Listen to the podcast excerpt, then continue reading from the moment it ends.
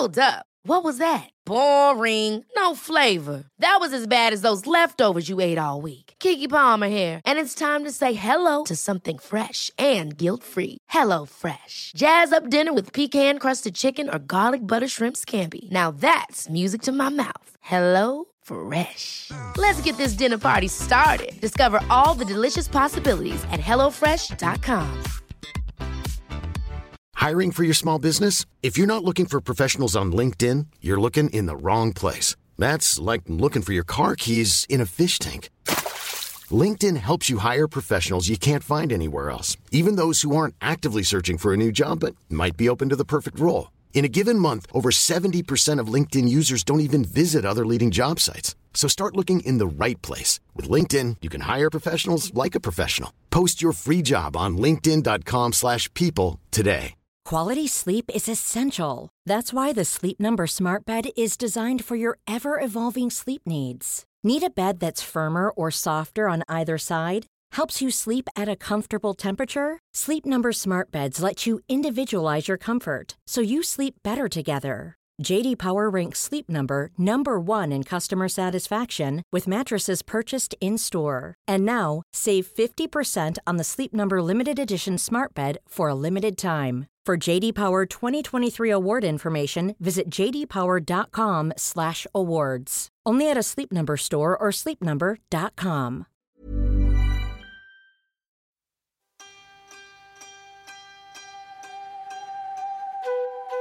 Hej och välkomna till ett nytt avsnitt i Psykologsnack! Ja, och det har ju varit lite pirrigt här nu när vi har släppt vårt första avsnitt för två veckor sedan. det var ju ja. lite skräckblandad förtjusning. Ja, absolut. Vi har ju båda varit lite så här på helspänn för att se vad som händer med det poddavsnittet. Men eh, det har ju varit himla roligt, så det har ju gett mer smak, verkligen. Och vi som har podden här är båda legitimerade KBT-psykologer. Och vi vill sprida och göra psykologisk kunskap mer tillgänglig och användbar. Mm, och tillsammans driver vi Axelsson och Persson psykologbyrå där vi bland annat gör den här podden. Vi föreläser inom psykologisk hälsa och jobbar med innovativa psykologiska lösningar inom olika områden i samhället. Mm. Och vilka är vi då? Ja, men jag är Sandra. Och jag är Åsa. Mm. Idag ska vi ju snacka sömn och det är ju ett vanligt problem att inte kunna sova. Ganska många som eh, beskriver att de har svårt med det. Och man har väl sett att ungefär 30 procent av befolkningen i Sverige rapporterar någon form av sömnsvårigheter. Och det vi kommer att prata om eh, idag är ju vad sömn är för någonting. Samt att vi kommer ge lite tips på vad man kan göra själv om man upplever att man sover dåligt.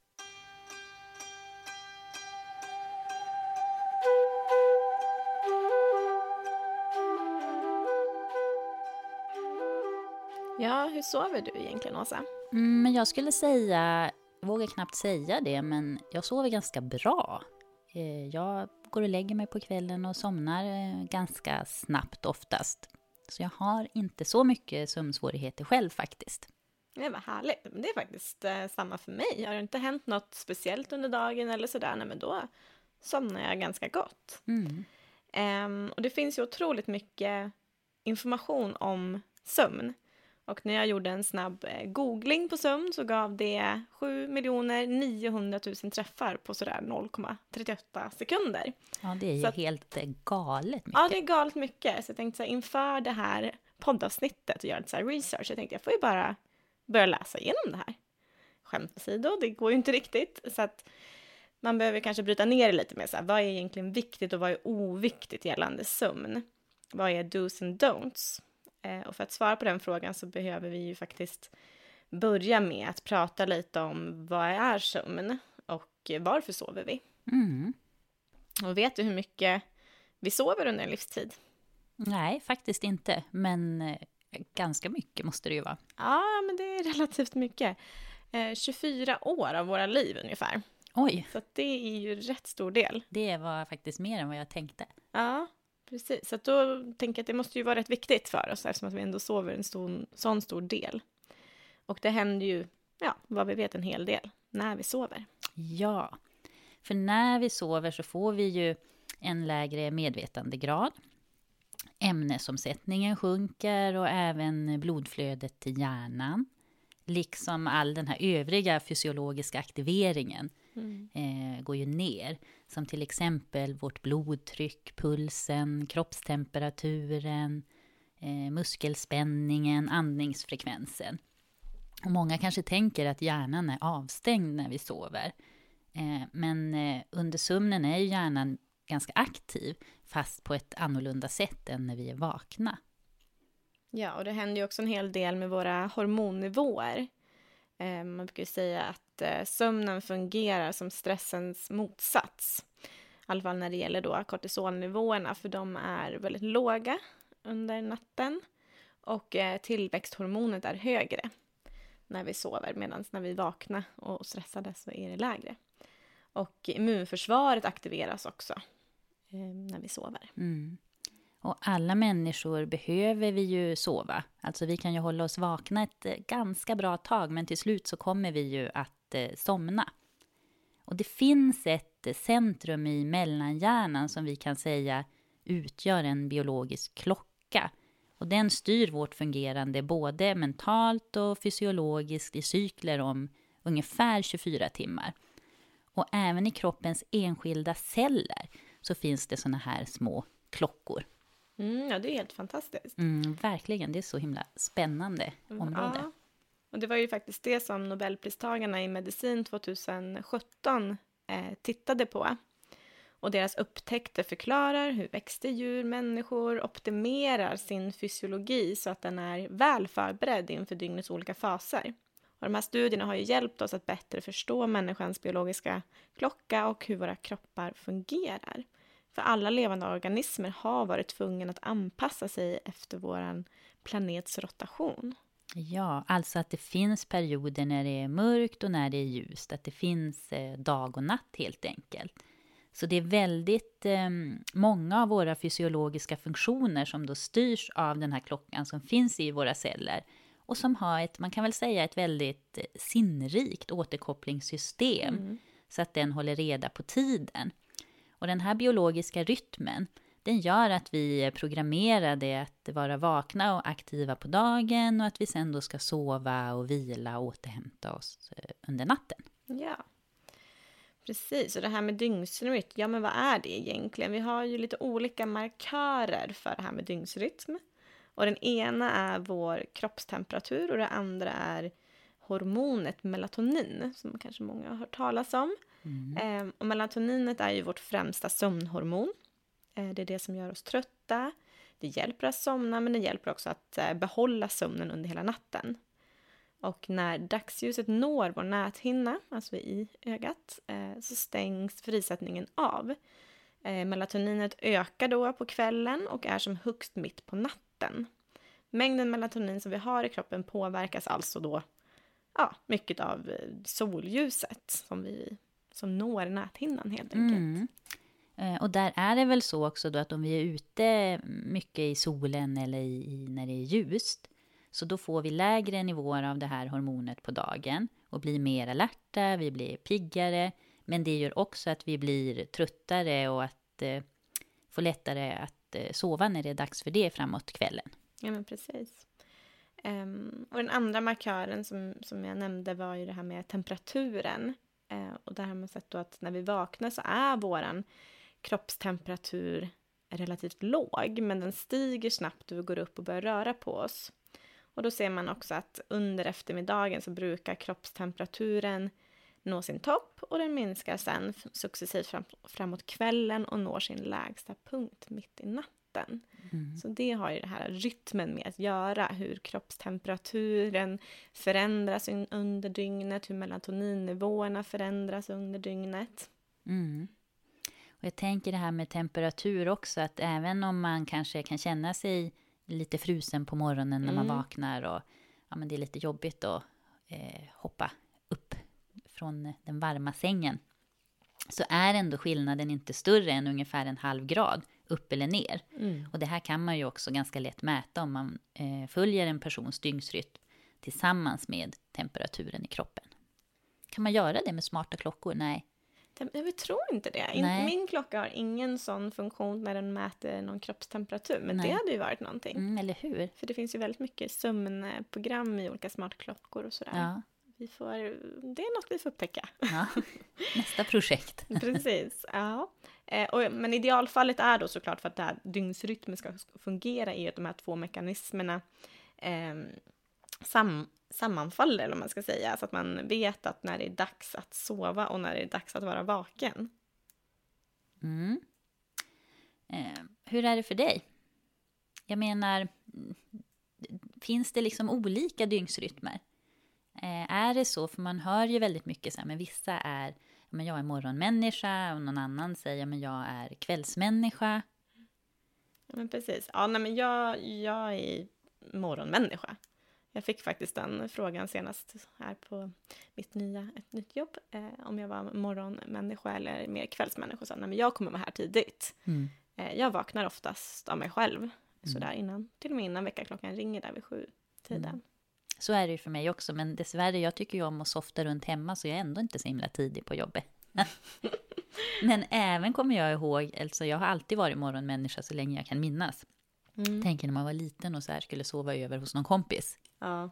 Då var jag alltid den som låg där. Det kändes som en himla evighet. Man bara timme efter timme, det kanske inte var så länge. Men som man fick ligga och vänta på att kompisen skulle vakna och familjen skulle vakna så man fick gå upp och ja, men kolla morgon-tv eller käka frukost eller komma igång och leka eller vad det nu var. Mm. Så jag har verkligen alltid varit den här morgonpigga. Ja, det där känner jag personen. också verkligen igen mig. Jag Ja. ville inte sova över hos någon för jag tyckte det var så obehagligt där att bara ligga och vänta och vänta. Ja, Inte alls kul. vi skulle ha känt varandra när vi var Ja. små. vi kunde vara Då uppe hade med vi tuppen. kunnat sova över hos varandra. Ja.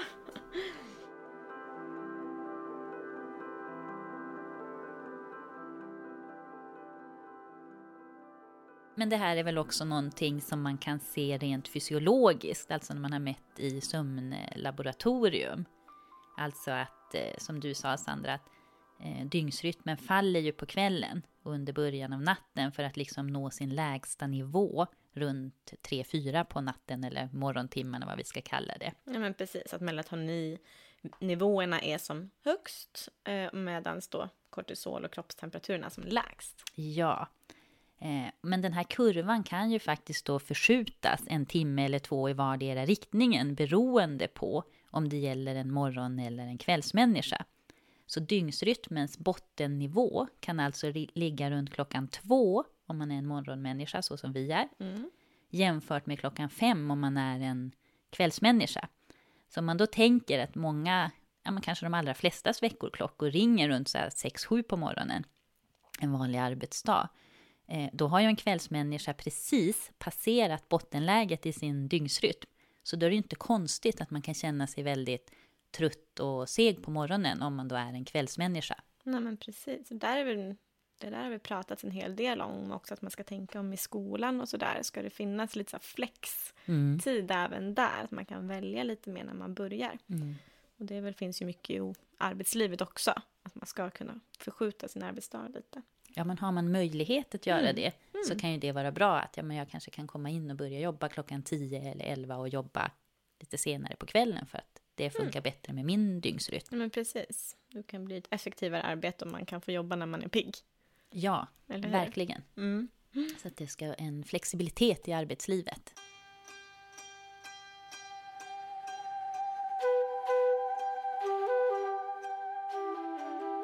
Ja, och en eh, annan återkommande diskussion är ju hur det elektriska ljuset påverkar oss och vår dygnsrytm. Och nu kanske, alltså elektriska ljuset har ju funnits väldigt länge, men man kan väl också tänka utifrån eh, digitaliseringen och hur det också påverkar med skärmar och så. Ja. Eh, Men i alla fall, nu kan vi ju ha ljust dygnet runt om vi vill. Det behöver ju aldrig bli, bli mörkt. Men det här ställer ju också högre krav på oss att vi behöver ha goda rutiner under hela dygnet. Eftersom att eh, genom då att vi har tillgång till ljus dygnet runt om vi vill så blir ju våra beteenden mindre styrda av de här naturliga ramarna av dag och natt. Alltså dagsljus och, och mörker. Precis. Ja, så det, vi behöver, ju själva sätta, precis som du var inne på, ramar och rutiner eh, kring liksom när, ja men vad ska jag göra på dagen, vad ska jag göra på natten? För man har också sett i en ganska ny studie att personer som använder skärm på kvällen blir påverkade olika mycket eh, beroende på liksom vad man då har gjort under dagen. Eh, det påverkar inte sömnen så mycket om man har varit ute i ljuset under dagen. Men om man har varit mycket inomhus under dagen, kanske har ett inomhusarbete där man sitter mycket, mm. lite instängt, lite mörkt sådär, inte fått så mycket dagsljus, så kan skärmljuset påverka dygnsrytmen ganska mycket och då också då kvaliteten och kvantiteten på sömnen under mm. natten. Mm. Um, och nu finns det ju också menar, en hel del teknisk hjälp som man kan ta del av genom att så, använda olika appar som kan ta bort mm. det här blåa ljuset från våra skärmar. Mm. Men man bör ju även vara medveten om att även annat starkt ljus som inte har den här blåa komponenten i sig påverkar dygnsrytmen negativt. Plus att många gånger så är det ju också det att det är det man ser eller gör på skärmarna som kan försvåra det här med, med sömnen och insomnandet och så. Till exempel om man scrollar igenom sociala medier, kollar på klipp, kollar mejlen så kan ju det göra att det drar igång vår hjärna. Att man kanske börjar oroa sig för saker som man ska göra nästa dag och problemlösa kring det, vilket gör att vi sover sämre helt enkelt. Mm. Ja, och när man pratar sömn så brukar man ju prata om det här med sömncykler. Ja, precis. Och vår sömncykel består ju av fyra stadier som vi rör oss emellan under natten. Och det här första stadiet, det brukar man kalla för övergångssömnen, alltså den här insomningen. Och då sover vi lätt och under det här stadiet då sker egentligen inte eh, så mycket återhämtning. Och efter det så går vi ner i nästa stadie. Precis, i bassömnen. Eh, då börjar det hända lite mer liksom rent fysiskt med kroppen, hjärtat börjar slå lite långsammare, muskelspänningen minskar. Och här tillbringar vi den största delen av vår sömn, ungefär 50 procent eh, av sömnen är här. Mm. Och sen går vi ner då i det tredje stadiet som är djupsömnen och det är här som kroppen är verkligen fysiologiskt nedvarvad och vi sover djupt. Och det är också här som den mesta återhämtningen och reparationen för både kroppen och hjärnan sker. Och det här är också en viktig del för eh, våra minnen. Och om vi blir väckta när vi befinner oss i djupsömn så brukar vi kunna känna oss lite så omtucknade och ja, men kanske lite förvirrade. Det tar en stund att så orientera sig och vakna till och veta vart är jag någonstans och vad händer här. Ja, precis. Det där oroar mig lite. Alltså, de senaste eh, gångerna jag tittar på min eh, smartklocka då, som mm. vi återkommer till, så stod det att jag inte hade någon djupsömn två nätter i sträck här. Mm -hmm. eh, det var efter en uppdatering, så jag vet inte om det har blivit något fel. Eh, för det låter, det är ju inte så bra. Alla, eller alla faser är ju viktiga, men djupsömnen som du säger är ju viktig för väldigt många olika saker. Ja. ja vi får väl skylla på den där eh, uppdateringen. Ja, då. jag får kolla upp det där lite. Men det finns ju också en, en fjärde, sta, ett fjärde stadie eh, som kallas för REM-sömnen. Eh, och det står ju för Rapid Eye Movement, alltså snabba ögonrörelser som är döpt efter just att ögonen rör sig även fast man, har, liksom, man blundar. Mm. Eh, och det fungerar lite annorlunda om man jämför med de andra stadierna, för det här ligger lite utspritt under en sömncykel. Eh, och den är, det är en relativt lätt sömn, men det blir oftast mer av REM-sömnen på morgontimmarna. Eh, och också det här är en viktig del, eh, då man har sett och tror, eller i alla fall hypoteser om, att man bearbetar mycket eh, av det emotionella under den här delen av sömnen, hur man har haft det liksom under dagen. Och under REM-sömnen så, så drömmer vi oftast mer än under de andra sömnfaserna. Och forskning har visat att den är mycket viktig just för att vi ska kunna minnas. Mm. Och jag tänker så här lite kuriosa om, om drömmar. Så är det att när vi eh, sover, det är de här delarna i hjärnan som hanterar känslor, syn, eh, hörselintryck eh, och våra minnen vakna och aktiva. Medan de delar, alltså frontalloberna då, som har hand om planering, struktur, impulskontroll, man kan säga att de sover. Och här kan man ju då spekulera kring att det kanske är det som gör att våra drömmar, i alla fall mina ibland, inte alltid är så realistiska eller förankrade i verkligheten. För där är det liksom de här känslominnena och syn och hörselintrycken som får härja fritt. Precis. Det finns inget som hämmar eller dämpar Nej. det. Jag kommer ihåg när du berättade det här för mig första gången. Mm. Och det var en sån lättnad. För jag tänkte, jag vågade knappt dela med mig av vissa av mina drömmar. Jag tänkte, det här är ju helt galet. Och så berättade jag och tänkte, ah, skönt.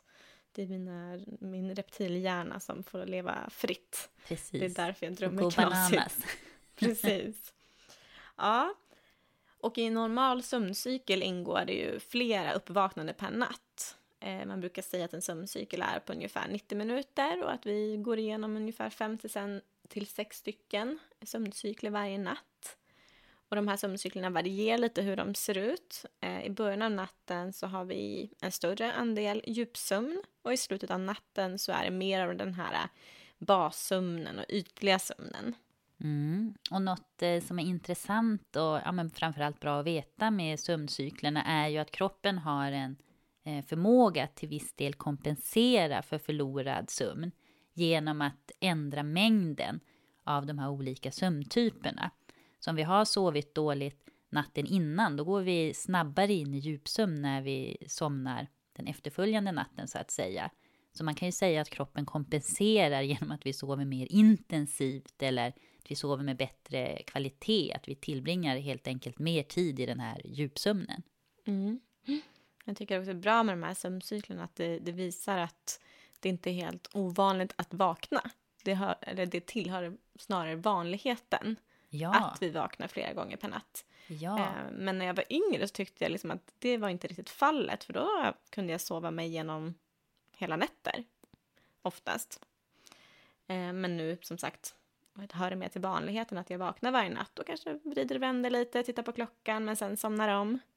Men var det så, jag tänker när man är liten, här får du korrigera mig om jag har fel, men Mm. Var det inte så att du ändå hade de här uppvaknandena, men mer att de är så korta så att man kommer inte ihåg dem? Precis. Medan att nu så kanske det är så här, ja men jag måste gå upp och kissa eller jag behöver ta ett glas vatten, att då hinner man liksom vara uppe lite längre så hjärnan hinner registrera det här som ett minne och så kommer vi ihåg det på morgonen när vi vaknar. Ja men precis. Eller är det så att när vi är yngre så då, har, då, vi, då går vi inte upp och vaknar?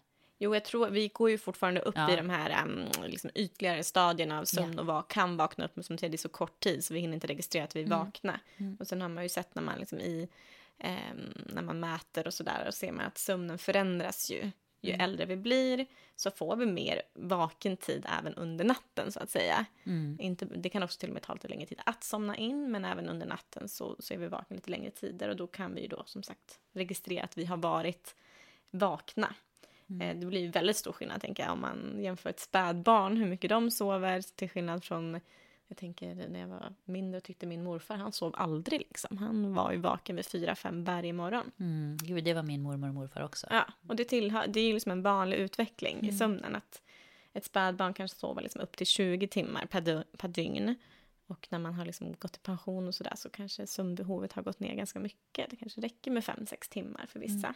Mm. Jag tänkte bara tillbaka till det här med de här eh, uppvaknandena, hur man rör sig upp och ner i de Mm. olika sömnstadierna. Men så att om man har några uppvaknanden varje natt, det är ingenting man egentligen behöver oroa sig för om man så kan somna om sen. Nej. Utan det ingår i normalsömnen. Ja, men precis. Och Det tyckte jag också var väldigt så skönt när man fick höra det. För jag var ju lite orolig. Så, men nu är min sömn förändrats märker jag. Jag vaknar mer, jag registrerar att jag är vaken. Är det konstigt? Så bara, nej men det är helt naturligt. Att, vi, att vi är mer vakna när vi Ja. blir äldre. Men vad är, vad brukar man säga är så kallad då normal sömn? Mm. Ja, men de allra flesta människorna behöver någonstans mellan eh, sju och åtta timmar för att kunna fungera optimalt dagen efter. så. Eh, och som vi inledde med här idag så sa vi ju det här att det, ja, men det är många som eh, rapporterar och pratar om att man sover dåligt nu för tiden. Jag tänker om man läser om det i media och så.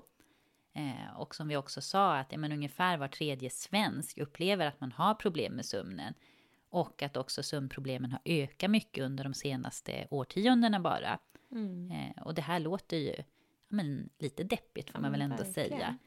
Eh, Men vad är det egentligen som orsakar att man sover dåligt och att vi kanske också har börjat sova sämre då? Ja, alltså jag lyssnade på, ska se om jag säger hans namn rätt, men Christian Benedikt som är eh, forskare på Uppsala universitet. Eh, och han beskrev att en orsak till att vi liksom rapporterar att vi sover sämre är att vi faktiskt blir äldre och vi har sämre sömn när vi är äldre. Mm. Eh, men även andra orsaker beskrev han som att det, det är vår livsstil som kan ställa till det. Att vi rör på oss mindre, vi äter annorlunda, alltså vi kanske äter lite senare och mer onyttigt. Också att vi lever i ett samhälle som har blivit mer prestationsinriktat Mm. och som då leder till stress och press, vilket gör att ja, men stress gör att vi har svårare att varva ner och, och faktiskt somna och sova gott. Mm. Ja, men man kan väl tänka att så stress och oro kan vara i alla fall bland de största bovarna till att vi har svårt med sömnen och kanske framför allt med insomningen. Mm. Och också om vi inte har kunnat sova på några nätter eller under en längre period, då är det ganska vanligt att man börjar oroa sig kring sömnen, alltså en oro över att inte kunna somna, man börjar få lite mer så här negativa förväntningar kring sömnen. Och det här kan ju leda till att vi börjar ändra eh, våra vanor då. Till exempel att man kanske undviker att gå och lägga sig, stanna uppe sent eller kanske börja aktivera mig mer på kvällen. För jag tänker, ja men då kommer jag bli trött och ja men då kommer jag somna i alla fall.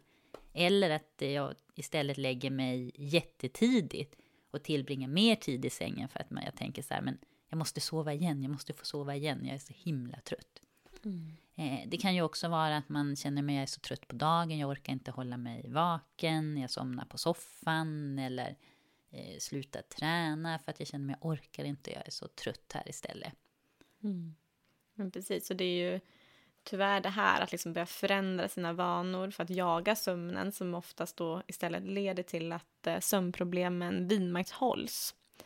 Och att det oftast är de här ändrade vanorna som är ett starkt bidragande orsak att vi får en rubbad dygnsrytm. Och att vår kropp och hjärna blir förvirrade. Och till sist inte vet riktigt när är det dags för sömn och när ska jag vara vaken. Ehm, och här är vi ju åter inne på det här med vidmakthållande beteenden som vi också pratade om i förra podden om hälsoångest. Mm. Så vad kan man då göra om man har problem med sömnen? Eh, Det finns ju lite olika saker och det är också beroende på hur stora problem som man har. Eh, Så till att börja med så är väl ett tips att man ska försöka börja med att respektera och arbeta med den här biologiska dygnsrytmen och inte kämpa emot den. Men hur gör man då egentligen det? Ja, men precis. Jag tänker att man ska ge melatoninet en bra chans. Eh, alltså vårt eh, sömnhormon. Och vi ger melatoninet en bra chans genom att ha mörkt i sovrummet. Så att om man inte redan har eh, mörkläggningsgardiner så är det ett väldigt bra tips. Skaffa dig mörkläggningsgardiner. För vi påverkas av, om framförallt då tänker jag under sommar, halvåret, vår och sommaren så där, så kan det vara väldigt hjälpsamt. Ja, Ehm. där tänker jag hemma hos, eh, hos oss. Det märker jag verkligen en skillnad nu på vintern när det är så här mörkt jämfört med på sommaren. För vi har en himla tunn liten linnegardin i vitt. Så det blir så här Aha. superljust. Så då är vi ju vakna där vid fyra snåret. Mm. Eh, och vi har ännu inte tagit oss iväg och eh, vi är väl inte så händiga hemma hos oss då och införskaffat den här mörkläggningsgardinen. Så jag varje kväll istället klättrar upp på en pall, hänger på ett mörkt skynke på gardinstången så att det ska bli mörkt. Åh nej. Men det är ett projekt. Ja, det Eh. låter... Åh, jag har en vän som gjorde exakt samma sak. Att hon hängde upp en sak. Till slut så ramlade hon ner från sitt fönster och fick en hjärnblödning. Usch vad hemskt. Nej men gud Det har gått bra, hemskt. men... Det är så här värsta scenario. Ja, men för att hon, var, hon var där och klättrade och till slut så Ah. Ja, gick det inte så bra. Okej, men så det kanske är bra Skrämseltaktik. skrämseltaktik för att jag ska ta mig iväg till en butik och Ja. införskaffa Så en mörkläggningsgardin. Ja, ja. Men det kan återigen, tillbaka till melatoninet då. Det kan ju också vara bra om man kan liksom se till att melatoninet börjar frisättas redan innan man ska gå och lägga sig. Så då kan man ju börja liksom dämpa belysningen i hemmet redan under kvällen.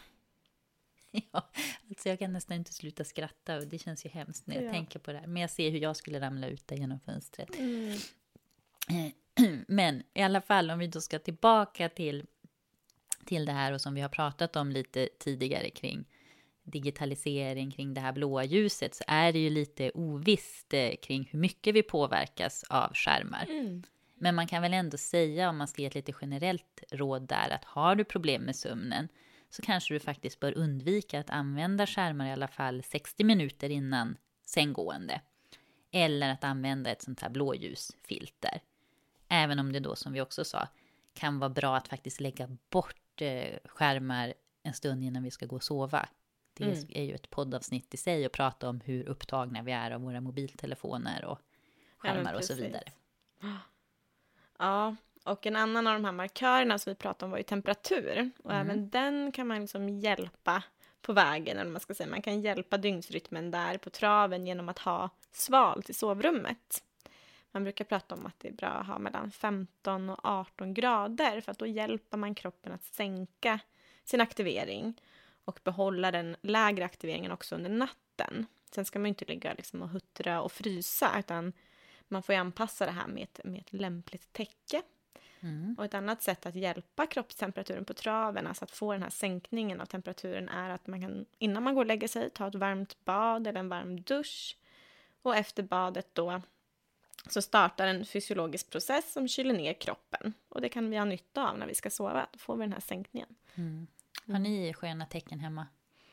Inte de bästa faktiskt, men förra veckan så tog vi en sån stor tvättdag och tvättade alla tecken. Ja. Och efter det så tycker jag faktiskt att det har blivit bättre. De är fluffigare. Ja, fluffigare och mysigare Ja. liksom. Mm. För hemma hos oss, um, nu blev det väldigt många exempel här, egna exempel, men där ehm, jag köpte typ nya tecken till oss, Mm. nya för tio år sedan. Eh, och min kille har så klagat på, han är ju väldigt frusen av sig, att de är så inte så sköna och de är inte varma. Jag bara, nej men de här är jättebra de här täckena. Tills jag nu själv för något tag sedan, jag bara, men gud de är inte så här duniga, fluffiga, härliga. Det är typ så här platta, tunna små tecken. Men jag kanske får testa, alltså jag har ju tvättat dem på tio år, men jag kanske får testa att tvätta dem igen och se om de fluffar till sig. Men annars tror jag att vi står inför att vi skulle behöva köpa Mm. nya, att det skulle kunna bli lite mysigare. Ja men verkligen. Det är så skönt med fluffiga stora tecken. Mm. Eh, och sen har vi ju då det här med ljud också. Och vi är ju alla olika känsliga för ljud. Och höga ljud är ju något som de flesta upplever som störande när vi ska sova. Men det kan ju också vara lite mer av de här lågfrekventa ljus, ljuden. Till exempel, det kan vara en surrande fläkt eller man kan ha ett kylskåp som surrar eller en tickande klocka. Eller det kan ju också vara att man har en snarkande partner kanske. Och det kan ju också då störa sömnen. Mm. Jag är ganska ljudkänslig faktiskt. Okej. Eh, vi har något så här surrande ljud i, i huset men tycker ändå att jag har börjat habituera, alltså vänja mig vid det.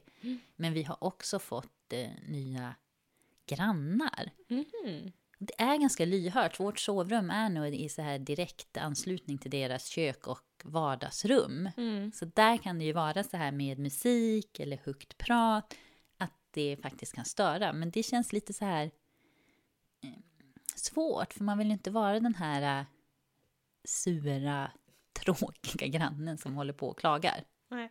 Är du en sån? Ja, men jag blir ju det då. Okej. Alltså när jag ska sova för att det ska bli störigt. Och då Ja. försöker jag så här härda ut och tänka nej men man måste respektera, vi bor i så här Mm, flerfamiljshus, folk måste få låta. Men nu var det så här, satte i öronproppar, det var en helg och de spelade ganska hög musik. Men sen vaknade jag igen vid så här tre på natten och musiken liksom trängde igenom öronpropparna. Och då kände jag ändå så här, jag bara, nej men klockan efter tre då får man gå upp och så här knacka på vänligt Ja. och fråga om de kan stänga av musiken faktiskt i det här, frågade jag. Ja, Och det gjorde de då. de gjorde det då. Ja, nej men det är ju inte lätt med grannar. Det kan ju verkligen ställa till det. Men Mm. det här med öronproppar är ju, ja, det är ju ett bra tips att testa sig. Jag, jag, I julas fick jag äran att dela sovrum med eh, mina föräldrar när jag var och hälsade på min syster då. Så då fick jag ju erfara vad min mamma har sagt under många år, att, att pappa snarkar väldigt mycket. Mm.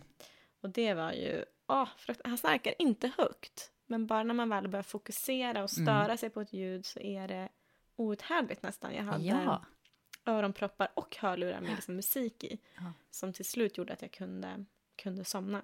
Men det var, uff. Ja, men när man börjar störa sig, då börjar det liksom så krypa i kroppen. Och jag känner, då blir jag så här, då börjar jag ju elda igång mig själv. Och blir så här arg. Så att då går jag ju upp i varv och får ännu svårare. Ja, då aktiverar man ju Då aktiverar man ju sig. hela kroppen. Ja, Ökad puls och allting. Mm. verkligen. Eh, men mm, apropå öronproppar. Eh, Så tycker jag att där kan man behöva testa sig fram. För jag hade under lång tid svårt att hitta några som funkade. Eller jag kanske bara köpte ett par, så jag kanske överdriver lite här. Men som var liksom för stora, så det hjälpte dem inte. Men sen har jag nu testat att hitta en annan sort. Och då tycker jag att det funkar bra, att det faktiskt blir helt tyst. Det Okej. ska vara att det blir väldigt höga ljud då, så att det tränger igenom. Ja, och det är också viktigt att sovrummet är liksom en trevlig, behaglig miljö, eller vad man ska säga. Det ska inte vara så mycket som är eh, aktiverande, utan det ska vara lugnt och mysigt och se till att man har just det här, en skön säng, lagom varmt täcke, en skön kudde. Det påverkar ju ganska mycket hur, framförallt att sömnen håller i sig sådär. Att man har en bra eh, säng. Mm. Eh, Men jag kom att tänka på, för jag var ju också och lyssnade på en föreläsning här för ett par månader sedan med han Christian Benedikt. Mm. Eh, Och det tyckte jag var lite kul, apropå det här med ljud. För han beskrev att eh, antingen om det var han eller hans fru som snarkade, jag kommer inte ihåg. Men de hade gjort som så att de hade eh, skilda sovrum. Okej. Eh, Tråkigt. för att han menade ju också på att ja, men det man då behöver göra för att underhålla relationen, det gör man ju ändå när man är vaken. Det behöver man inte ägna sig åt, eller det gör man ju inte när man sover. Nej, det är faktiskt sant. Ja. Det har han ju alldeles rätt i. Annars kan man ju tänka att det är väldigt tråkigt Mm. att inte få dela liksom säng under natten. Men det då sover, ska man ju sova. Ja, och det kanske gör att om man då istället har svårt att sova och ligger och stör sig på sin partner, att det snarare försämrar relationen jämfört med att ja, men vi sover i separata sovrum. Och den vakna tiden så blir relationen mycket härligare. Betoning på mycket härligare. Ja, sant. Mm. Eh, men till någonting annat som är bra att tänka på då eh, när det gäller sömnen, det är ju det här med att tänka på vad vi stoppar i oss, både vad vi äter och dricker. Och koffein som till exempel finns i kaffe, det fungerar ju stimulerande eh, för vårt centrala nervsystem och det betyder ju helt enkelt att det höjer kroppens vakenhetsgrad. Eh, Och här är det också viktigt att vara medveten om hur länge effekten faktiskt håller i sig. För det tar ju hela 6-8 timmar innan koffeinet i en kopp kaffe har halverats. Så att om du dricker 2-3 koppar, kanske sent på eftermiddagen, så kommer du antagligen ha koffein i kroppen som motsvarar minst en kopp när det väl är sängdags. Mm, precis, och där tänker jag att det är viktigt att komma ihåg också att koffein finns ju i te och eh, olika typer av läsk, framförallt Coca-Cola och sådär. Eh, och det här gäller ju också nikotin. Det är kanske ingenting vi äter, men det är någonting vi får i oss. Eh, det är ju också någonting som stimulerar och, eh, liksom, och höjer vakenheten. Så där kan man ju behöva tänka på att om man nu är användare av nikotin, alltså man snusar eller röker eller sådär, att ta sista snusen eller cigaretten tidigare på kvällen. Mm. Och bäst av allt är ju såklart att inte då röka eller snusa alls. Kommer präktighetspolisen här. Ja, du är klok du, Assa. Det är bra. Eh, Men om man pratar alkohol då, så fungerar ju faktiskt det precis tvärtom. Det är faktiskt lugnande för ditt centrala nervsystem. Eh, Så det är ju faktiskt sant att alkohol gör oss trötta och att man faktiskt kan få lite lättare att eh, somna på kvällen. Så då är det väl fritt fram med alkoholen, eller? Mm, det hade väl, jag vet inte om man ska säga att det hade varit eh, härligt.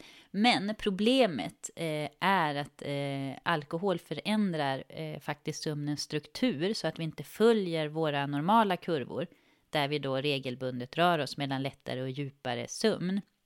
För det som händer är att när etanolen bryts ned efter några timmar så ökar vakenhetsnivån i kroppen och vi får en lättare sömn. Om du då dricker ja, tre glas vin vid 23-tiden så kommer din kropp att eh, aktiveras ungefär vid 4-tiden. Så den här sängfösaren som faktiskt då kanske föser oss i säng, den kommer också att väcka oss framåt morgonen och gör att vi inte blir lika utsövda. som vi annars eh, skulle ha varit. Nej, så att sover man dåligt och har problem med det så är väl det bästa helt enkelt att skippa alkoholen helt. Ja, ja absolut. Men för att kroppen också ska kunna vila och sova så är det inte bra att man heller äter för mycket mat sent på kvällen.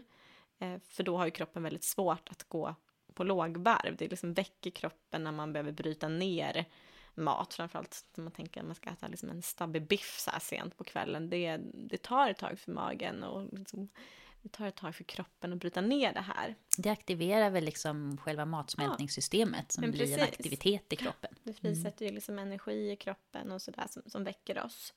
Um, men sen är det ju inte bra heller att lägga sig vrålhungrig sådär. För då kan man ju hålla, bli vaken av det. Mm. Kanske man kan ta någon litet, ja. en smoothie eller kvällsmacka mm. eller frukt eller någonting. Mm, precis. Men gärna äta middagen också, kanske lite tidigare. Mm. Jag vet inte, 18-19-tiden senast. Mm. mm. När jag växte upp då åt man ju middagen typ fem. Nu mm. äter vi middag sju. Ja, det händer att jag äter senare också. Jag med. Men eh, hela grejen då, om vi ska tillbaka till det här som vi inledde lite med, med dygnsrytm, är ju att eh, dagen ska skilja sig eh, från natten. Eh, och för att det ska göra det så behöver vi också ha balans i aktivitet. Och det vi gör under dagen, det påverkar ju faktiskt även natten. Så vi behöver hitta, eller då skapa en balans i våra aktiviteter både under dagen och kvällen. För om vi är för aktiva och kör på i ett under dagen och kvällen, då kommer vi förmodligen ha svårt att varva ner under kvällen och få svårare att så slappna av och att kunna somna. Ja, och eh, tvärtom, om vi är för passiva liksom under dagen så bygger vi inte heller upp det sömnbehovet som mm. behövs för att vi ska kunna somna. Och det brukar jag ibland kalla för så ett sömntryck. Vi behöver bygga upp ett visst sömntryck faktiskt för att kunna somna.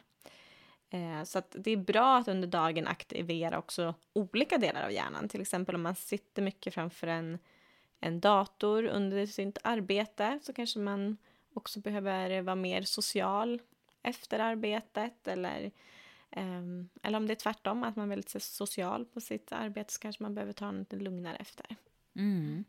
Det kan jag tycka i, i vårt jobb, där mm. vi träffar mycket människor. Ja. Att det har förändrats lite, att förut kanske jag var mer eh, social på min fritid. Men mm. nu när jag är väldigt mycket social och träffar mycket människor eh, på jobbet, att jag har större behov av att kanske ha den här tiden för mig själv eller ja. att, att inte ha lika mycket socialt umgänge, även om jag såklart behöver och vill ha det privat också. Mm. mm. Precis, och som du var inne på alltså, så behöver vi ju balans i aktivitet Eh, du sa det här med att men är vi allt för mycket uppe i ett under dagen så får vi ju svårt att varva ner mm. Eh, till kvällen. Så där behöver vi också ha pauser under dagen. Vi behöver liksom låta kroppen varva ner flera gånger per dag. Eh, ibland kan man ta mikropauser, alltså korta pauser. Eh, för att förhindra att vi då hamnar i den här konstanta uppvärmning, uppvärmningen. Och det hjälper ju också dygnsrytmen att, att vara ute. Mm. Pratar om det här hur melatoninet påverkas av solljus. Mm. Så där kan man ju till exempel ta en promenad eh, på lunchen. Mm. Eh, det är också viktigt att vara fysiskt aktiv dagtid. Eh, men man säger att man helst inte ska göra, träna allt för sent på kvällen. Nej. För det kan också väcka och ta ett tag då att kunna varva ner. Mm. Eh, så sådär eftermiddag funkar väl, men kanske inte 22 på kvällen liksom. Mm. Ehm, och för att då ytterligare få balans och hjälpa dygnsrytmen på traven så kan vi behöva ehm, hjälpa kroppen att varva ner och eh, att göra sig redo för sömn. Och då kan man använda sig av en kvällsrutin. Eh, och att det är också rekommenderat att eh, påbörja nedvarvningen om kanske en till en och en halv timme innan det är dags att sova. Eh, och ett exempel på rutin kan ju vara att ja, men, om jag nu vill somna runt klockan 11 att jag då runt halv tio börjar så avsluta dagens sysslor. Jag kanske så här plocka i och ur diskmaskinen. Jag börjar förbereda eh, hemmet lite. Jag dämpar belysningen. Eh, jag förbereder sovrummet. Vädrar lite grann. Tar bort överkastet. Nu har vi inget överkast, men om jag hade haft det. Mm. Eh, dra ner eh, mörkläggningsgardinen som jag ännu inte heller har. Nej, du får göra om din eh, kvällsrutin snart. Ja. Precis, och i nästa steg så kan man ju då börja förbereda sig själv. Tvätta ansiktet, borsta tänder, ta på sig pyjamasen om man nu har det. Mm. Eh, det tycker jag är bra, för det där tycker jag man många gånger hör att så här, ja, men folk ja, tar det lugnt. Sen när de blir, blir väldigt trötta och tänker gå och lägga sig, men då har de en rad saker så kvar att göra. Om det är exempel, ja, men borsta tänderna, tvätta av sminket, smörja in sig och så helt plötsligt så, så börjar man vakna till igen. Nu är man pigg Så plötsligt. blir man pigg och så är Mm. det svårt och så. Så där tänker jag jättebra tips att Mm. faktiskt göra det tidigare. Mm. Och sen efter du har gjort det, då gjort ordning dig själv, då tar ett sista liksom, steg i din sömnrutin som, är, som kan bestå av en lugn aktivitet. Mm. Slå sig ner i favoritfåtöljen, dämpa belysningen ännu lite mer kanske, bläddra i en tidning. Och när du då börjar känna dig sömnig så kan du gå till sängs direkt. Utan Mm. att du har massa liksom, saker kvar som du måste göra. Ja, så ett eh, tips är ju att faktiskt börja med en kvällsrutin om eh, ni inte har det. För det är ändå en relativt enkel förändring att komma igång med. Och vår hjärna och vår kropp tycker ju om eh, rutiner. Sen tycker jag ibland att man kan höra så här, men vad då ska man alltid följa den här rutinen? Tänk om jag är ute och käkar middag och kommer hem senare. Såklart får man ju anpassa, men jag tycker ändå att det kan vara hjälpsamt om man har varit ute på den där middagen och kanske kommer hem 11.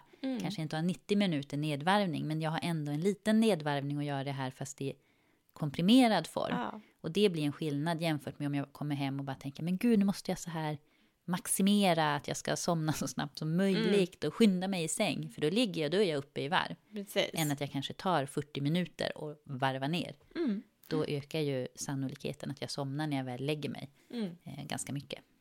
Ja, jag håller helt med. Verkligen, ja, men så brukar jag också göra.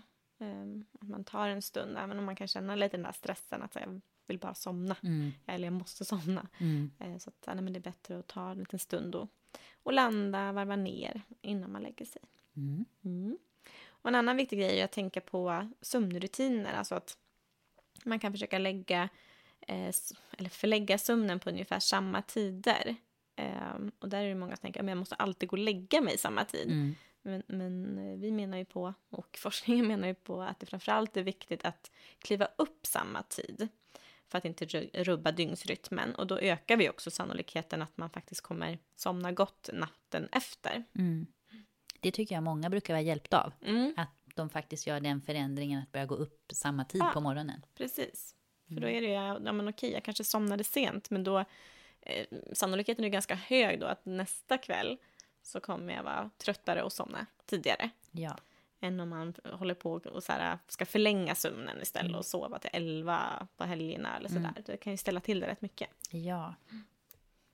Eh, sen eh, vid sömnbesvär är det ju som vi nämnde tidigare vanligt att man kan ha både problem med att somna men det kan också vara att man har problem med uppvaknanden under natten. Och om det är så att man brukar vakna upp mycket under natten och inte då att man kan somna om utan snarare att man kanske ligger i sängen och vrider och vänder på sig. De här tankarna börjar komma på så här kanske man grubblar, orostankar, problemlöser. Då är det bra att eh, gå upp en stund eh, när man inte kan sova.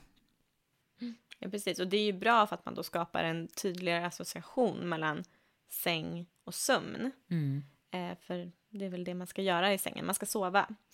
Och- Möjligen kan man få ha sex. Ja, möjligen då. det, det är helt okej.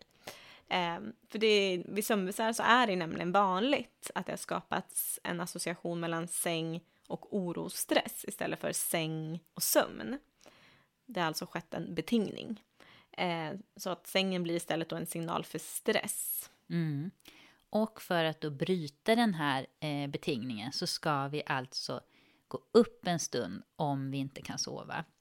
Så om jag vaknar till och så sen somnar jag inte om efter ungefär 20 minuter. Det jag ska göra då är att jag ska gå upp. Jag ska inte sätta igång med att så här städa och röja och dra igång något stort projekt. Utan jag ska göra en lugn aktivitet. Alltså jag kanske sätter mig där i soffan eller fåtöljen. Lyssnar på en tråkig podd, inte den här podden då. Absolut inte. Lyssna på en radioprogram eller läsa någon inte alltför spännande bok, bläddra i en tidning. och väntar tills jag börjar känna mig lite sömnig. Det kanske är så här, ögonlocken börjar kännas tunga, ramla ihop lite grann. Mm. Och då går jag och lägger mig. Och för en del kan det ju vara så, men jag har svårt att känna, känna när jag är trött och när jag blir sömnig på då, det sättet.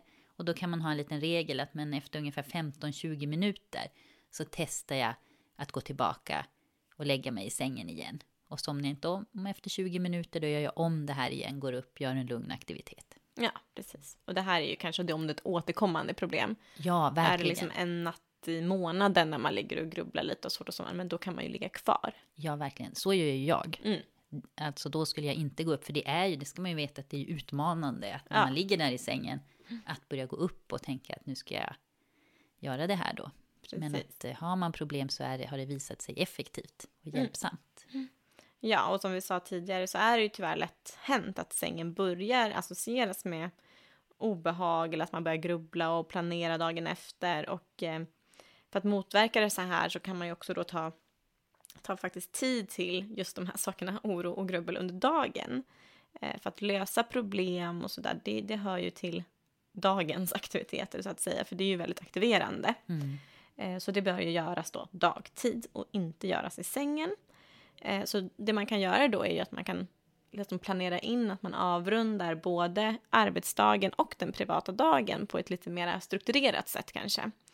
Eh, Man tar en stund på jobbet innan man går hem, samlar ihop, funderar lite kanske över vad är det jag ska göra imorgon, eh, samla ihop det man har gjort idag, avsluta och slå liksom ihop datorn rent liksom fysiskt. Mm.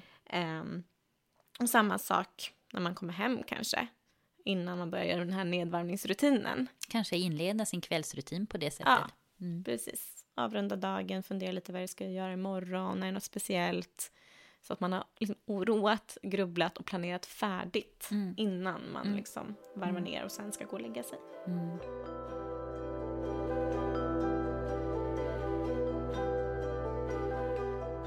Alla de här psykologiska träningstipsen som är baserade på KBT och som vi nu har gått igenom, de fungerar ju oftast bra om man har lättare sömnproblem. Men ibland så kan man ju eventuellt behöva sömnmedicinering för att komma till rätta med svåra sömnproblem. Vi har ju valt att inte gå in djupare på det här idag, då det snarare är en läkare som kan råda kring medicinering och vad som är bra och hur man kan använda det. Ja, precis. Och om du har stora problem med sömnen så rekommenderar vi att du vänder dig till din vårdcentral för att få en bedömning och guidning till rätt hjälp. Och där brukar man ju då också kunna få träffa både läkare och psykolog. Och, och psykolog. Mm. Eh, vi vet ju att KBT har god effekt vid sömnsvårigheter och att det är det som är den bästa långsiktiga lösningen. Men ibland kan man behöva kombinera det med någon typ av sömnmedicin. Mm, absolut. Ehm, och vi börjar ju nu faktiskt eh, närma oss eh, slutet på vårt eh, andra poddavsnitt. Eh, och om vi då ska sammanfatta lite grann vad vi hoppas att ni kan ta med er härifrån idag, eller vad vi vill att ni ska ta med er härifrån idag, är ju att sömn är viktigt. Men att om det inte påverkar liksom ditt mående och din livsstil så försök att inte oroa dig om du har några nätter varje månad när du sover sämre. För det ingår också i normalsömnen att vi sover sämre än några nätter varje månad. Och det är ingen, ingen fara. Nej, precis. Och det andra tipset är ju att ha balans i aktivitet. Alltså att under dagen se till att vara ute, få dagsljus, men också att varva aktivitet med återhämtning. Så att alltså vara aktiv och ta pauser, varierat. Mm. Eh, Och skapa en kvällsrutin. Låt eh, både kroppen och knoppen få tid att eh, varva ner. Mm. Och drick inte kaffe efter klockan 15 om du har problem med sömnen. Nej, har man inte det så kan man ju dricka sin kaffekopp Ja. när man vill. Precis. Eh, och koppla sängen till sömn. I sängen så ska vi bara sova, möjligen ligga lite då också. Möjligen. Men skippa sängfösaren och nattsnusen. Ja. Och har ni frågor eller kommentarer till oss så finns vi på Instagram under profilen psykologsnack. Och vi finns också på psykologiskträning.se. utan eh, prickar i ät. Ja. Psykologisk träning. Mm.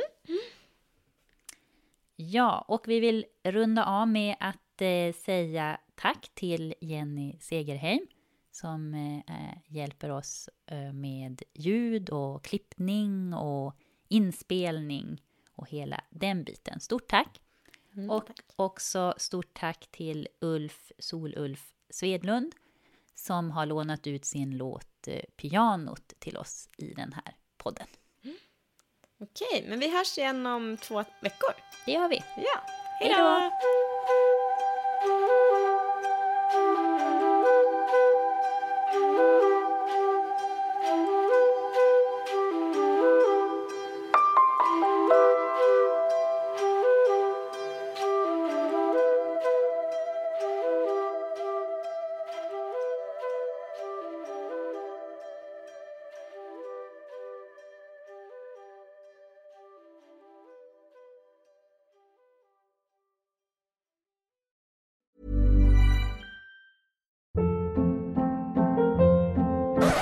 Up. What was that? Boring. No flavor. That was as bad as those leftovers you ate all week. Kiki Palmer here, and it's time to say hello to something fresh and guilt-free. Hello Fresh. Jazz up dinner with pecan-crusted chicken or garlic butter shrimp scampi. Now that's music to my mouth. Hello Fresh. Let's get this dinner party started. Discover all the delicious possibilities at hellofresh.com. Imagine the softest sheets you've ever felt. Now imagine them getting even softer over time. That's what you'll feel with Bowl and Branch's organic cotton sheets. In a recent customer survey, 96% replied that Bowl and Branch sheets get softer with every wash. Start getting your best night's sleep in these sheets that get softer and softer for years to come. Try their sheets with a 30-night guarantee. Plus, get 15% off your first order at bowlandbranch.com. Code BUTTERY. Exclusions apply. See site for details.